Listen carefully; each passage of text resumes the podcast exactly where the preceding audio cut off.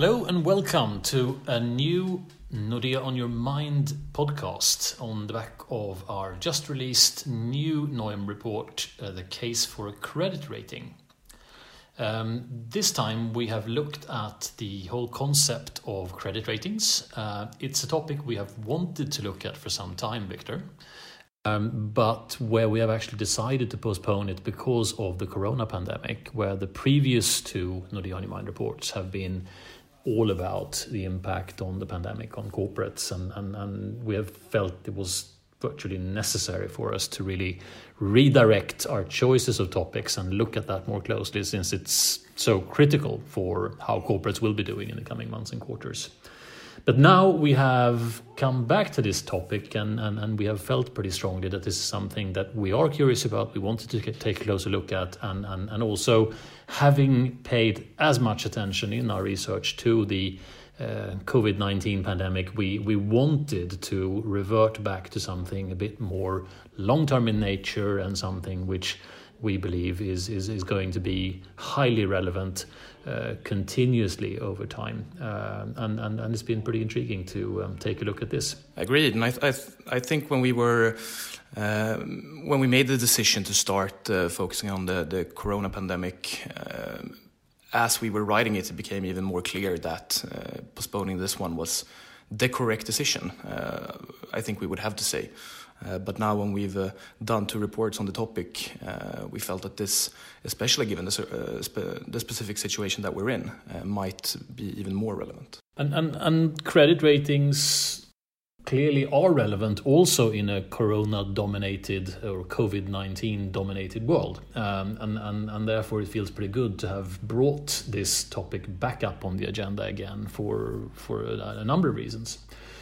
And we have tried to take a, a sort of uh, basic look at this uh, from the point of view of um, perhaps somebody who is not very well familiar with the concept of credit ratings, just to get a grip of what it's all about, uh, but also to put a lot of effort into a very thorough analysis about what benefits they, they can bring. Um, because obviously, for a corporate, there is a decision to be made. Uh, do we need to have, should we have a corporate rating or several uh, corporate credit ratings, or, or can we do without them? And, and then we felt it would be extremely helpful to try and, and, and get a better understanding and, and a very well fundamentally backed understanding of what are the benefits you can get from having a, credit rating. And, and, and to be very simple about it, to be sort of crude about it, well, if you do have a credit rating, the, the conclusions are from the analysis that you can get more funding, you can get longer dated funding, and, and critically, of course, you can get cheaper funding. So, so the case as such is pretty clear for why you would be interested in um, having a credit rating. But this also ties very much into things we've looked at before, right? I mean, we, we, we, we have looked at the whole concept of corporate funding for large corporates in the Nordic region. And, and, and, and Victor, do you want to remind the listeners about what we did last year, how this all sort of started as an exercise? So, if you remember back to, uh, correct me if I'm wrong here, Johan, but I think it was March last year, uh, we wrote a report uh, that we titled The Financial Life Jacket. Uh, and why we did that was because there has been uh, this significant change in how corporates are funding themselves. And, and to put it put it uh, simply, corporates are relying much more on on debt capital markets. Uh, and in that report, we we highlighted that uh, that uh, if we look to the to the Nordic corporate bond market, for example, it has more than trebled over the past ten years. And of course, this then makes uh, the topic of credit ratings uh, even more relevant because it is such a uh, because that, that capital markets funding is such a large part of uh, of uh, Nordic corporate funding. And in that uh, that report, we we highlighted the difference between rated and unrated corporate bonds. We we looked at uh, for example, what share of issuance belongs to the to the rated uh, corporate bond market versus the unrated. But we didn't really go into to that much of a uh, detailed view on what the key differences are.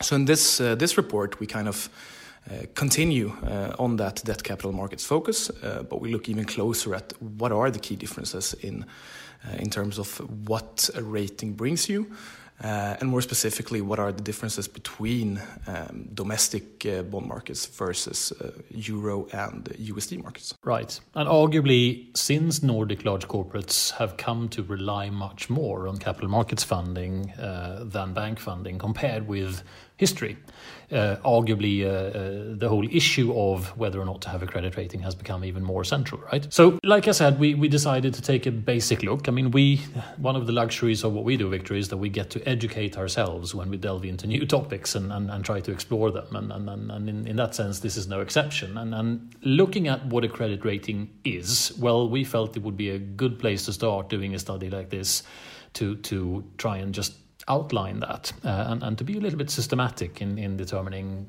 what it is and, and also importantly what it is not. Uh, when it comes to choice of words, we, we call it "it is what it is." Just to paraphrase that epic Netflix movie, uh, The Irishman, uh, uh, uh a line in the movie when when when when a mob uh, henchman gets a, an order he doesn't really like, it is what it is. You just like it and get on with it. but for credit rating, it is what it is means that okay, specifically, it's an opinion about the credit risk of a borrower or about uh, the credit risk of a specific debt instrument.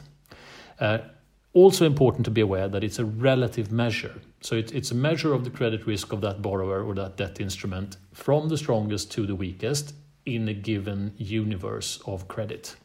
So what it will say is really where in a sort of ranking order from top to bottom in that universe of borrowers does this particular credit or this particular uh, borrower fit in in how likely it is to, to default on its debt. So what you're saying there, Johan, is that it's it's not a kind of direct uh, measure of of uh, the default uh, probability. Exactly. So, so, you can't say that investment grade, for example, will have uh, an X percent uh, default probability, but more that the kind of relativeness is that investment grade corporates will typically be at much much lower risk of uh, defaulting than uh, than high yield corporates. Exactly that. It it gives the observer an idea of where on that scale this particular borrower or this particular bond or or certificate belongs in in how likely it is to default. So not an absolute probability, but rather a ranking. Uh, and, and what I was going to add, it, it's also important to be aware that it's it's an independent opinion in the sense that it's independent from the borrower or from lenders. So it's a third party rating agency that assigns the rating. And, and certainly important also is what are credit ratings not, just to avoid any misunderstandings. And, and along the lines of what you touched upon, Victor, they're not recommendations, they are not investment advice they are certainly not guarantees that uh, an, a borrower or a debt instrument will have a certain likelihood of defaulting or anything like that. And they are not a measure of asset value. So, so they are not really telling you anything about what is the current market value of, for example, a bond. It's, it's this relative scale rating that they represent. Which also means that if, if you look at the default rates, uh, they, they do vary over time. So given given the economic circumstances, uh, we can see that default rates uh, uh, can vary actually quite substantially over time. Um, but it, is very consistent with this this relativeness in the sense that investment grade corporates uh, defaults are, for the data that we have seen have always been, been far fewer uh, than, than, more speculative grade. Exactly. And that means if you ask the question, have ratings worked in the past? Have they actually done what they're supposed to do? The broad and general answer, according to looking at the data, is that, well, yes, broadly they have. Because the gap between the higher rated credits and the lower rated credits has consistently been very, very substantial. So that there's been a very, very clear uh, distribution of outcomes that, that the higher rated borrowers have, have not defaulted to nearly the same degree as, as, as, as the riskier ones. Now, another question, of course, is okay, so who who assigns credit ratings? And and and, and the market globally for corporate uh, ratings uh, is dominated by three big players. Uh, all of them are U.S. Uh, it's Standard and Poor's, Moody's, and Fitch in that size order. Um, they both uh, Standard and Poor's and Moody's are listed companies where uh, the rating business is one part of the group, and Fitch, the smallest of the three, is is private. It's part of the Hearst Corporation in in the U.S., where the rating business is one out of several business lines uh, within the group. Uh, those three there are no specific numbers on market shares, but I think it's very, very fair to say that those three dominate. Then there are some smaller uh, regional or niche players in, in certain sectors or, or, or specific regions who are active only there, uh, but, but those three uh, dominate the market for um, ratings. Looking at how they assign ratings or what the nomenclature they use for what, what the ratings, the rating levels mean. Uh, for those big three global players, uh, the nomenclature is very, very simple. So the scale is is very comparable between Moody's and S&P and Fitch in in, in what issuer is rated how and what a rating means. Uh, and it's something that investors as corp- and, and corporates are very well familiar with. Could, could you say that it is uh, somewhat standardized in that way to make it easier to, to compare and to understand? But then, of course, still with the differences between the rating institutes. I think that's a fair way to describe it, so that there is an established norm in, in, in how you specify ratings and how you distinguish between them. And I, I think we're going to go go a bit deeper in, into my next uh, question a bit later. But but if you just want to shed some light on uh, uh, the difference between public rating and uh, becoming rated, but not uh, not having it published uh, or, or, sorry published. Yeah. So for, for for any issuer, any borrower who who uh, obtains a credit rating from one or several credit rating agencies, they always have the choice if if they want the rating to be public uh, or if they want it to remain private.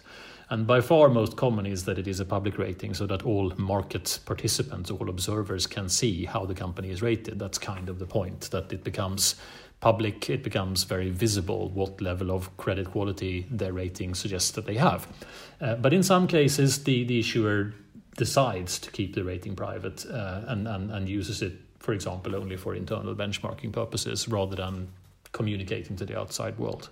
Uh, but but but this, the normal case is is is that it's used publicly. And as you're saying, it's it's uh, the the issuer, so, so, the corporate, that has this choice of of uh, whether it becomes public or not. But coming back to uh, what benefit there is to be gained from having a, a, a, credit rating, Victor. We have done a lot of work. We've put together a very thorough analysis. Uh, how, how, would you describe the benefits? So you could divide the work into to two parts. So, so one of them is looking at at uh, the total Nordic corporate bond issues uh, issuance since uh, 2000 up until uh, the end of 2019. So every single corporate bond that has been issued uh, by Nordic corporates. And, and just looking at that, uh, first of all, as we mentioned in the beginning, we see that it, there's been an incredible growth in the, in the number of, of bonds and the volumes that are being issued.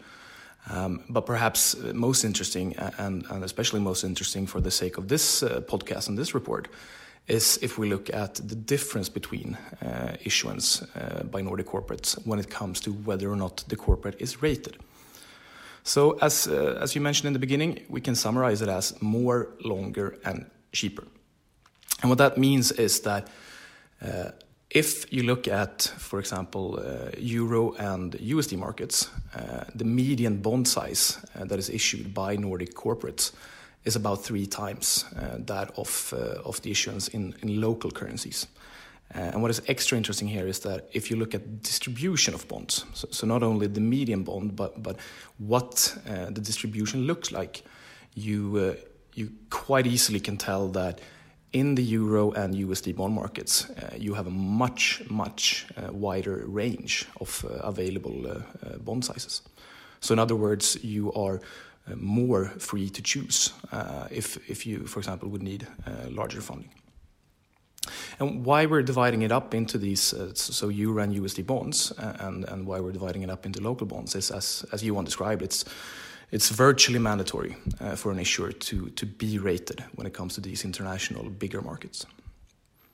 And if we take the next one, which which we simply call longer, uh, it's pretty much the same story. So, so the maturity times uh, for bonds issued in euro and USD for a rated Nordic uh, corporate is uh, much longer than that in local currencies and and uh, similar similar look here as well when we when we look at the distribution of uh, maturity times, in the sense that if you want to issue a bond with a maturity time of uh, more than 10 years, then that's quite readily available. Whereas in, in uh, domestic markets, in local currencies, it's not as easy uh, to do so. Without getting into the nitty gritty, but to just throw out a couple of number examples to, to illustrate both when it comes to size and when it comes to maturity of, of bonds.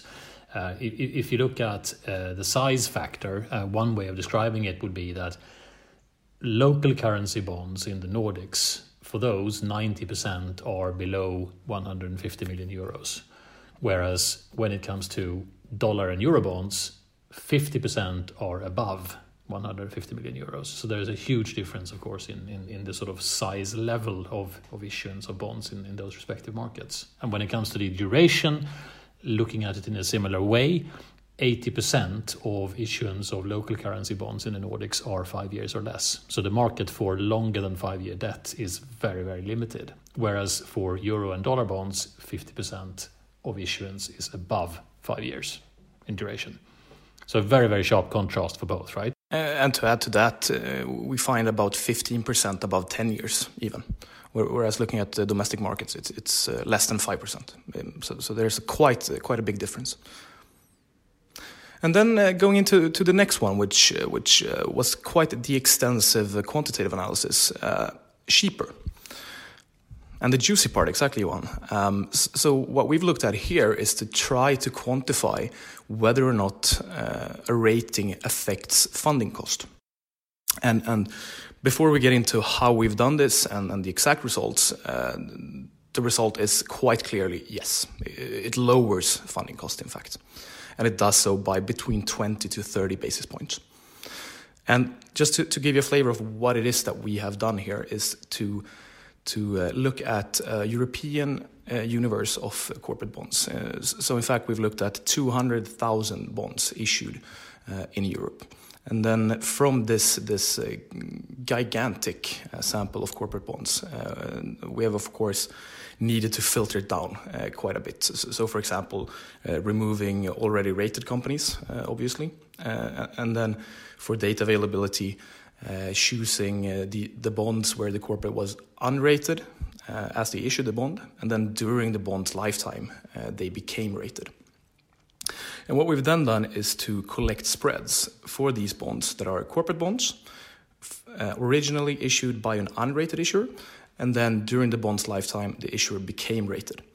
And then we've looked at each individual bond that meets these uh, specific criteria and looked at the average spread 25 days before the corporate became rated and then 25 days after. So comparing if there's been a shift in, in bond spread um, depending on, on this rating. And uh, as I mentioned, the, the, the results, uh, I think they, they very much speak for themselves in that uh, if I remember correctly, somewhere around 80%, or if it was 75% of corporates saw a reduction in their bond spreads. So the overall, in the whole sample, uh, the overall reduction was about 20 to 30 basis points. But if you were one of these corporates that saw this, this reduction, uh, which about 75 to 80% uh, of corporates did, uh, then you saw an average reduction of uh, uh, 35 basis points. Which is pretty striking. And was there a difference looking at if you had a higher spread prior to getting a rating compared with if you were already lower risk and had a lower bond spread? And, and this is uh, this is where it really is uh, interesting because intuitively, I think most people would think that uh, that that is the case, and and we are happy to say that that intuition then is correct because if you have a pre-rating that is higher then the potential decrease in spread uh, is also higher. So, so, for example, we, we had some, uh, some bonds in the sample with, uh, if I remember correctly, correctly now, a pre-rating spread of around 700 basis points. Uh, and they saw a decrease of around 300 basis points uh, after the issuer became rated, which is substantial. I mean, that's, that's a huge decrease. Absolutely. So, so if, if, if you have a somewhat more risky profile, there is even more of a cost benefit to be had from getting rated in the typical case. Exactly, exactly. And of course, this, this has to do with, uh, I mean, one thing is new information, right? So, so, if you become rated and there is new information uh, that, that the market gets, then that will of course have an effect uh, on uh, on the spreads. But also it has to do with uh, liquidity in the bonds. So, so you want, if you want to shed some light on on that effect, I mean, if if you become rated, then, then you're open to to a wider investor base, right? So that's that's the key dynamic here, right? I mean, if if if if you are rated as a borrower, that means that the universe of investors who are even able to invest in your bonds or in your commercial paper is much greater because many have investment mandates stipulating that they only invest in investment grade or in rated securities. So, so there is a sort of binary factor here in that you suddenly, just by having a rating, even if you have a lower rating, you, you, you can qualify for being investable by more investors. And, and, and it, it's, it's pretty clear that we see that effect in, in, in that funding costs do go down. Yeah, and I would say, especially from from a quantitative point of view, uh, the fact that if it was only about new information, then, then you could expect uh, you could expect the bonds to to have an average of, of around zero, I guess, because some of the new information might not be beneficial, which means that that the bond spreads would, would increase. Uh, which for some corporates we saw the bonds uh, actually bond spreads increase, but they did so very modestly. And overall, uh, it is very tilted towards uh, a decrease in, uh, in bond spreads. So coming back to to then uh, what you described there, Johan, with uh, liquidity being one part of it, uh, but then also of course removing uncertainty, because this this kind of quality stamp, or, or at least this this stamp of of what rating the, the corporate is, removes any uncertainties that that might work to to increase the bond spread. Timing then. Now that we have a global pandemic leading to lockdowns, containment measures around the world, making economic activity plunge uh, in, in, in countries all around the world, is this a point in time when you would start a process of uh, obtaining a credit rating? Now, that's a rhetorical question, of course. Um, it, it, it's it's pretty obvious that for companies out there who are in survival mode, the ones hit very very hard by uh, demand evaporating because of consumers being stuck at home, they are not going to prioritize at this very point to embark on, on, on a process to obtain a credit rating. There are more immediate issues that need to be fixed. Um, there is another factor here at work, which is that there can be a stickiness in credit ratings, uh, meaning that if you, as a borrower, decide to obtain a credit rating and you do that from a timing point of view at the point when you are financially weak, at the bottom of a cyclical downturn or in the midst of a crisis like today, then that can be an extra challenge in that you need to work your way up from that low point, temporary low point, when it comes to your credit metrics and, and how creditworthy you, you are deemed to be by the rating agencies. So from a tactical point of view, it might be preferable for for uh, a borrower to obtain a credit rating when they are financially stronger. But at the same time, when you are financially strongest in some sort of cycle over time, that may not be the point where you have the greatest need for a rating, right? For those who are in crisis management mode, well, it's pretty obvious that obtaining a rating is not going to be something that you embark on at that very point in time. But for many corporates, it may make a lot of sense to have a look at a rating, to consider obtaining a rating, even if they are not at the financial health high point over the course of a cycle, because of the very fact that ratings make an even bigger difference in a less benign capital markets environment. We have for eight, nine plus years now been kind of spoiled with an overall very, very strong, not to say buoyant capital markets environment with low interest rates compared with historical levels, with ample liquidity, with quantitative easing by central banks. And, and, and with so many years of such market conditions, there is a risk that we take for granted that that's going to be the normal state of capital markets, which is not necessarily going to be the case. And what we're seeing now for the past couple of months, now that the pandemic is upon us, is that capital markets have become much less benign. And when that happens, well, that's when having a credit rating makes an even greater difference, when it becomes even more apparent that having a rating means that you qualify for being able to get funding at all and that you get much better terms for the funding if you do qualify than if you are not rated. So, so from this point of view, we think that yes, it very much still makes sense to bring the issue of a credit rating on the agenda and to have a look at it and see if it would make sense for you as a corporate, as a borrower, uh, to have one in these more challenging circumstances that we have today because it may well be that we have to live with more challenging market conditions than we have grown used to from the past eight, nine plus years for some time. And we think the prudent assumption to make is that it could be just like that. And, and just to add to, to your point there, Johan, we have actually seen this in the data. Uh, for example, in our, our the financial life jacket report, obviously not to the same extent uh, in terms of how volatile the markets have been. But we have seen uh, over the last 20 years that during times of, of uh, hiccups in the markets or, or during times of uncertainties, uh, the, t- the trend is usually that uh, unrated borrowers uh, are facing more challenge than the rated borrowers. Exactly. And it can even be on the level not how much will it cost, but rather will it even be available. And if it's not available, if you cannot fund yourself in capital markets or refinance yourself in capital markets, you will need to turn to your banks for that funding instead, unless you even raise new equity capital.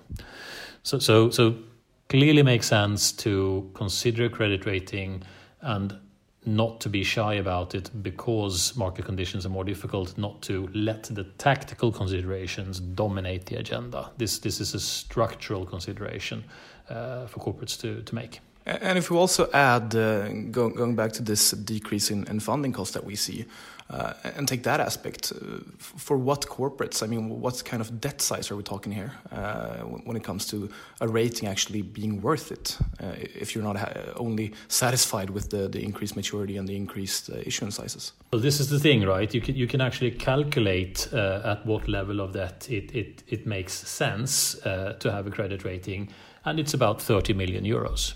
So if, so if you have a recurring capital markets funding of about 30 million euros, well, then what we estimate to be the cost of obtaining and maintaining a credit rating is entirely covered by the saving in funding cost that you achieve uh, for, for a typical issuer when you, when you do have a rating.